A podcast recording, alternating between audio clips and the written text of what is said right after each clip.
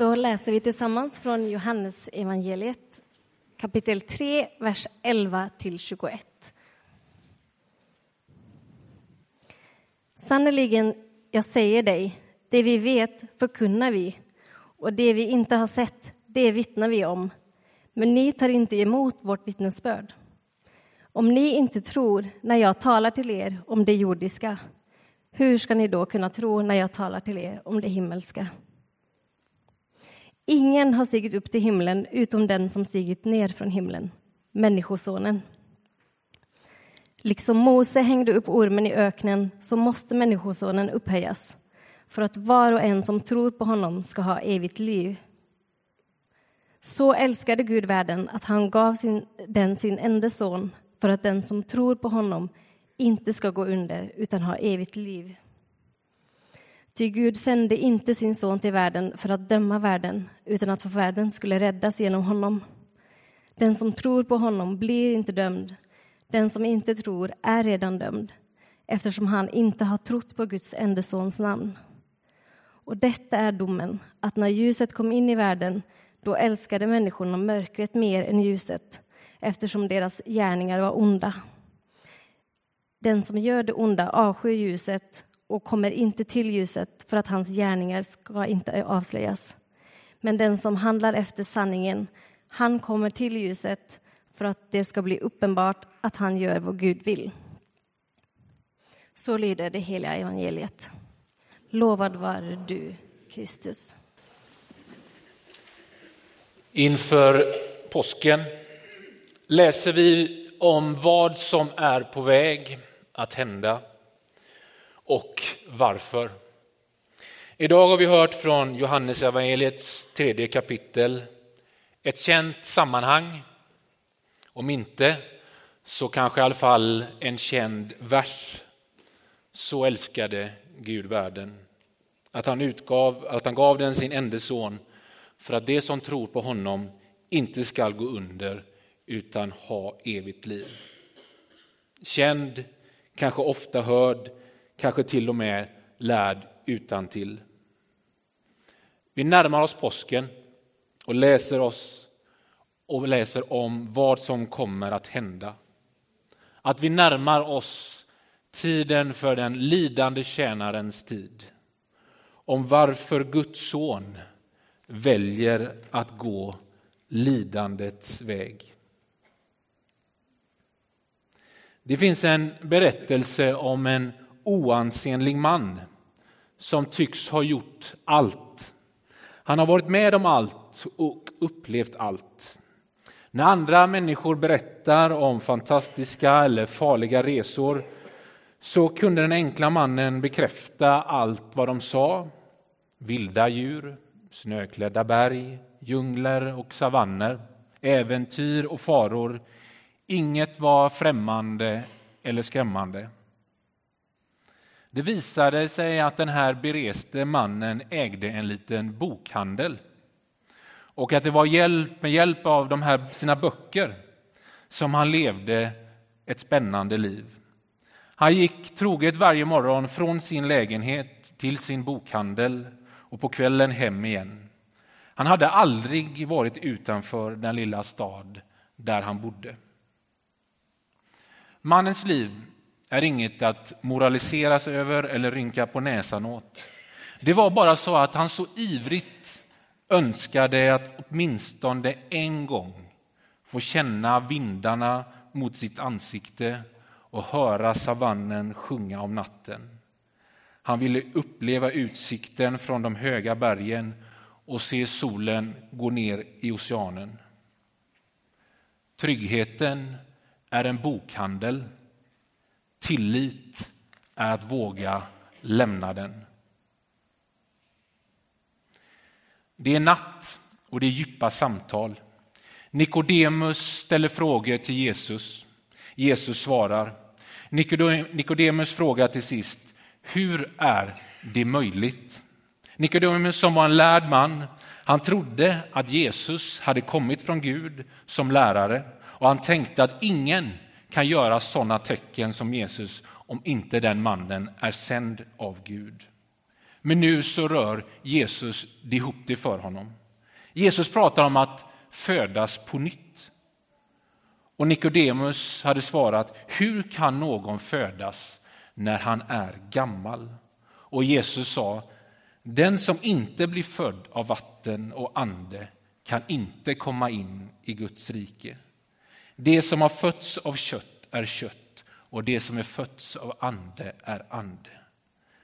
Och det är efter detta som Nikodemus frågar, hur är det möjligt? Och det vi hörde idag är Jesus svar på den frågan. Kanske är det så att vi tror att Jesus har kommit som en lärare från Gud. Tror att ingen kan göra sådana tecken om man inte är från Gud. Men då är vi kanske kvar i bokhandeln.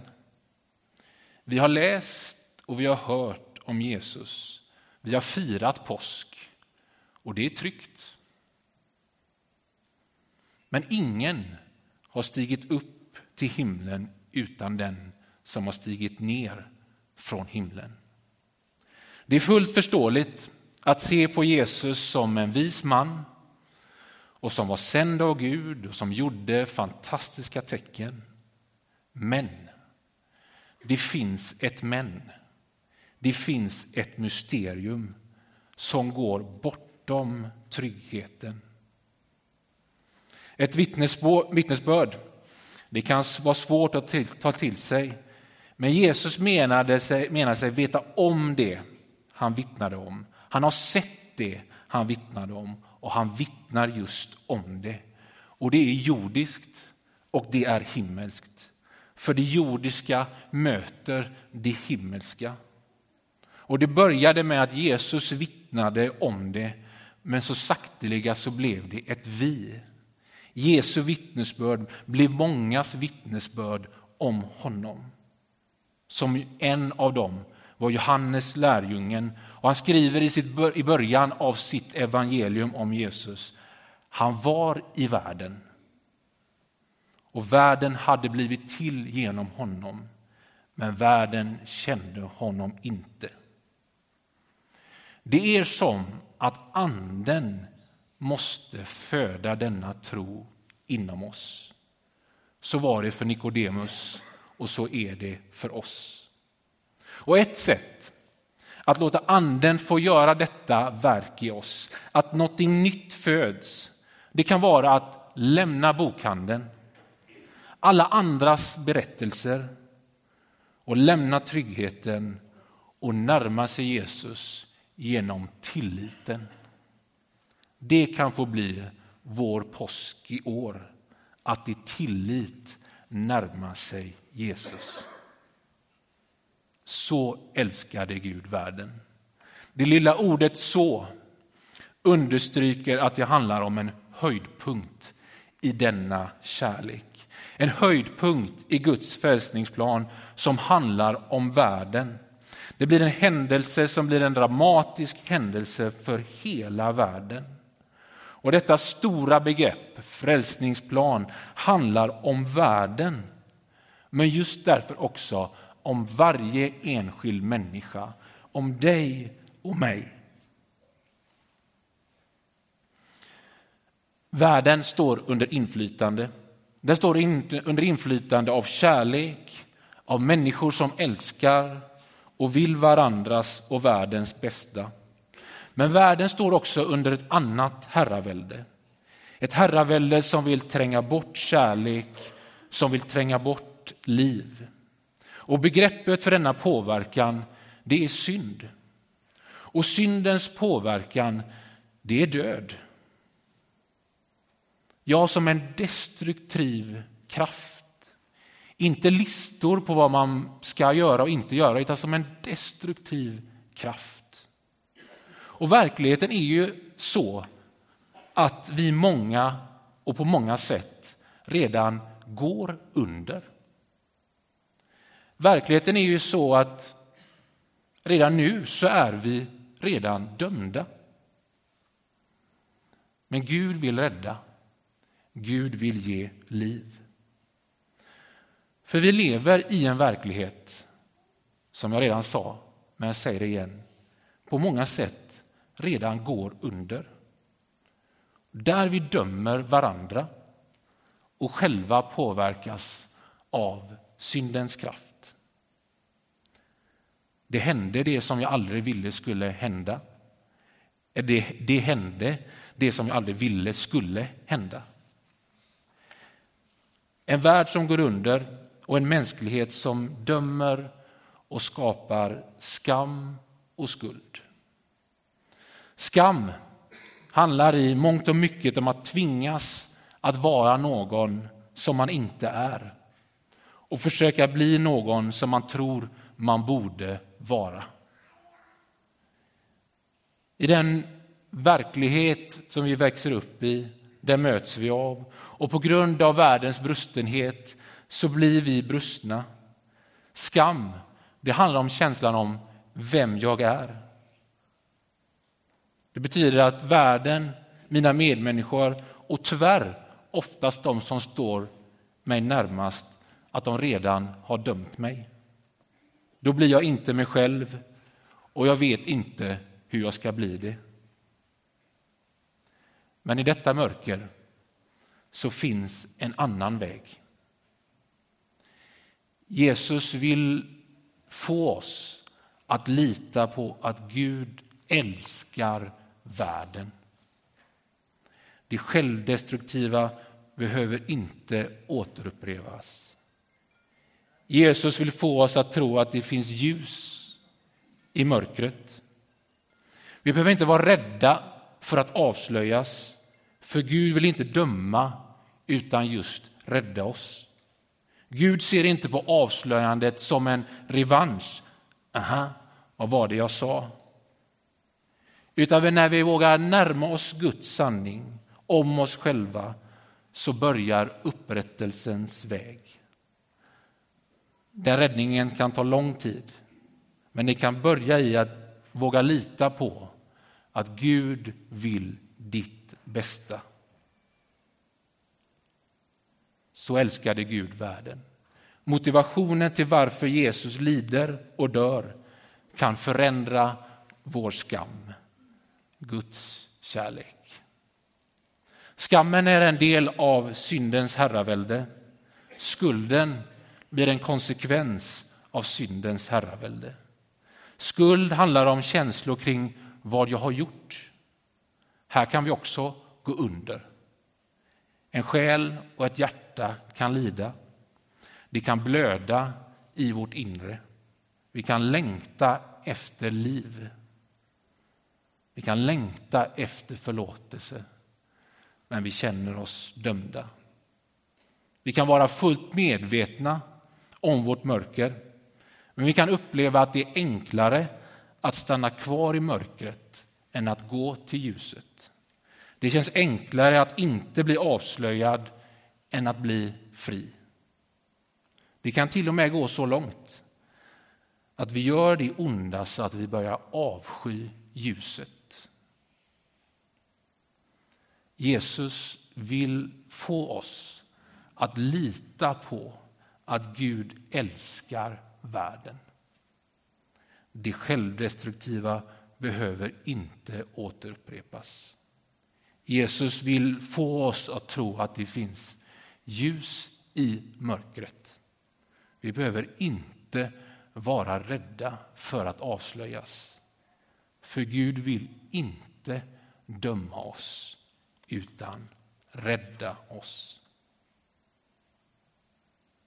Vi kan behöva lämna det vi tror är tryggt, det vi håller inne och våga lita på att Gud vill oss väl. Gud vill liv, inte död. Och Guds väg, det är försoning. Att läka det som behöver läkas, att förlåta det som behöver förlåtas att upprätta det som behöver upprättas. Och sättet Gud försonar världen är genom sin enda son, Människosonen som upphöjs. Påskens dramatiska timmar som förändrar världen. Den lidande tjänarens tid är för att Gud älskar världen. Och i en mänsklighet med skam och skuld är det befriande att se hur Gud handlar och vi får försöka ta emot den kärleken. En tillit till att Gud älskar världen.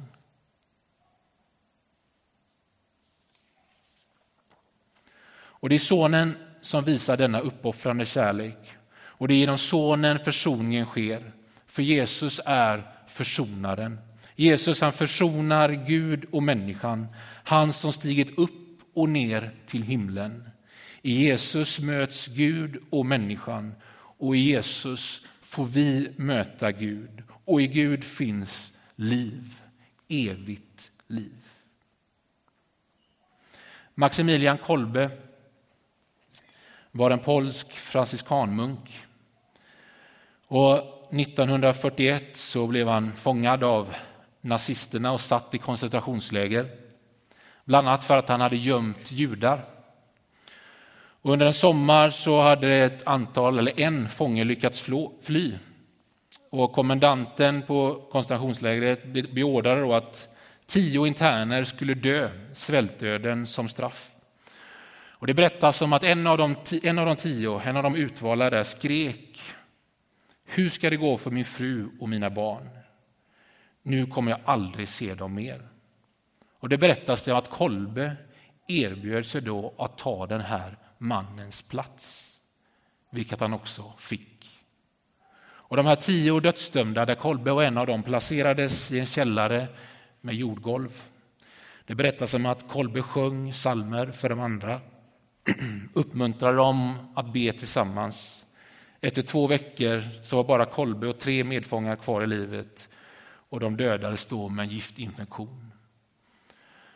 Och så läser man i Göteborgs-Posten 2014 i en mans dödsannons där han beskriver att han var där när Kolbe offrade sig själv för de andra. När vi nu närmar oss påsk får vi i tillit närma oss Jesus för att se vad Gud har gjort för oss i sin enda son. Och när vi gör det förstår vi lite mer av Guds kärlek. Och då får vi komma med oss själva, med vår skam och skuld och ännu en gång, eller kanske för första gången be Jesus Kristus, Guds son, förbarma dig över mig. I Jesus ser vi försonaren och vi får möta vår försonare. När vi gör det behöver vi inte längre vara rädda för ljuset. För i ljuset så finns kärlek. Och när vi möter den kärleken, då vågar vi vara lite mer sanna mot oss själva. Och sanningen, den är ett sätt att leva. Att våga ta emot förlåtelse och ge förlåtelse. Att låta Guds frihet tränga bort skammen. Att låta Guds kärlek drabba oss och ge den vidare. Då handlar vi efter sanningen och vi kommer till ljuset och där finner vi djupare gemenskap med Gud. För kärleken har räddat oss från att gå under och från domen.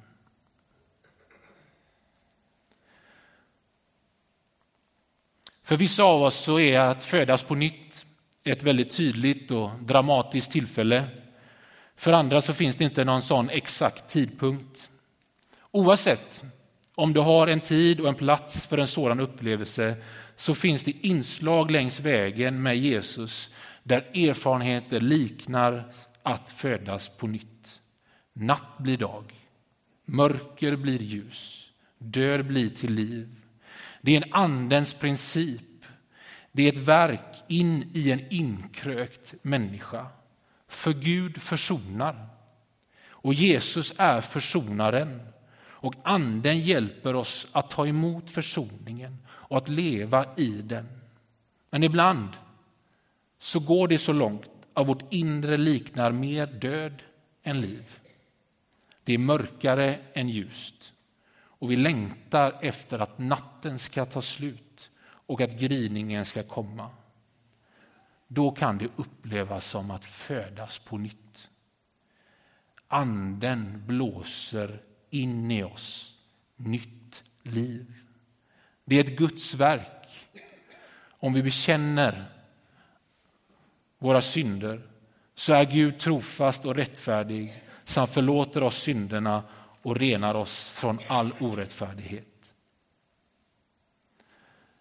Som Nikodemus så kanske vi har skapat oss något som blir som en trygghet. I tilliten på Jesus kan vi finna en erfarenhet som är som att födas på nytt. I tilliten till Jesus får vi ta emot räddningen från den dom som vi redan har gett oss själva. Och Jesus försonar oss med Gud. Så älskade Gud världen att han gav den sin enda son för att de som tror på honom inte skall gå under utan ha evigt liv. Amen.